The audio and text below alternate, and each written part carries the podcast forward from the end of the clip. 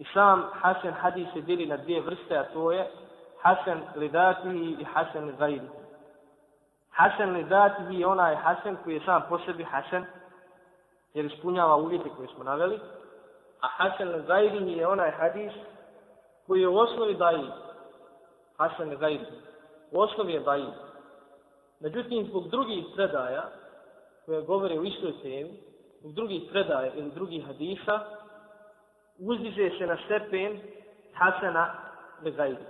Uzdiže, uzdiže se na stepen Hasan Hadisa. Nama ćemo primjer za Hasan Hadis, koji je Hasan sam po sebi, pa u prvu vrstu. Hasan Hadis, koji je Hasan sam po sebi, Hasan Lidati. Kaže, bježi Tirmidija, kaže, pričao nam je u kaže, pričao nam je Dža'far ibn Suleiman, Ed Bubai, od Ebu Imrana, el Džuvenija, a on od Ebu Bekra ibn Muse el-Ešarije, da kaže, čuo sam Ebu Bahdaru el-Adavije, da kaže, rekao je poslanik sallallahu alaihi wa sallam, zaista su dženneska vrata pod cijenom sablji. Zaista su dženneska vrata pod cijenom sablji.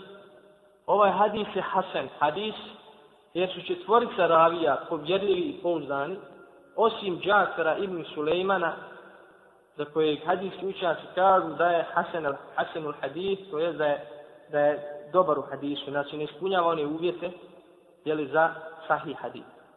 Zbog toga hadis kao sa stepena sahiha na stepen Hasan hadisa. Hasan koji je sam po sebi Hasan.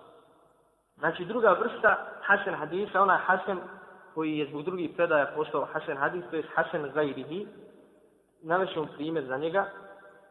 Kaže, bilježi Tirmizija od Su'vata, a on od Asima ibn Ubejdillaha, ibn Abdullaha, ibn Amira, ibn Rabije, a on od svoga oca, da je jedna žena od Benu Fezare, da je se udala za mehr, a za mehr je uzela na nule, samo na nule.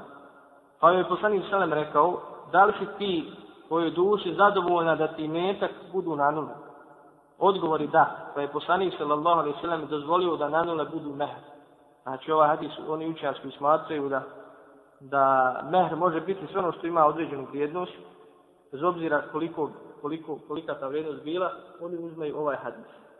Neki učenjaci, neki fiksi učenjaci određuju, jel, mehr, njegovu najmanju vrijednost, to ćete spominjati, a možda i nešto na, na fiku, zavisi da li, da li su te teme određene. Sad je Tirmize za ovaj hadis. U ovom pogledu se prenosi, prenosi hadise od Omera, Buhoreri, Aiše, isto je na istu temu. Ovaj ravija ovom senedu Asim je slab bajiv prenosilac zbog slabog pamćenja. Ali ovaj hadis je Tirmizija ocijenio kao Hasan zbog toga što se prenosi sa više predanja. Znači ovaj hadis je Tirmizija ocijenio kao Hasan zbog toga što se prenosi sa više predanja. Često čujemo ili pročitamo u knjizi da kaže Tirmizija za određeni hadis da je Hasan sahih. Sa se, može čovjek doći u nedomicu i pitati se kako može biti Hasan sahih. Pa su islamski učenjaci, da bi pojasnili to, jeli ukazali na dvije mogućnosti, a to je da ako hadis ima dva seneda, znači dva lanca prenosilaca, jedan od seneda može biti ovaj, na stepenu sahiha, a drugi na stepenu hasan. Zato kaže hasenu sahih. Znači jedan sened je hasan, a drugi sahih. Druga mogućnost je, ako ima samo jedan sened, znači jedan, jedan lanac prenoslaca, da je hadis kod nekih učenjaka hasen, ako drugi sahih. Znači ako samo hadis ima jedan sened, jedan lanac, znači kod, jed, kod nekih hadis učenjaka hadis je hasen, ako drugi sahih. Mi smo govorili da je da su dvije najvjerodostojnije zbirke sahih hadisa Buhari na muslimu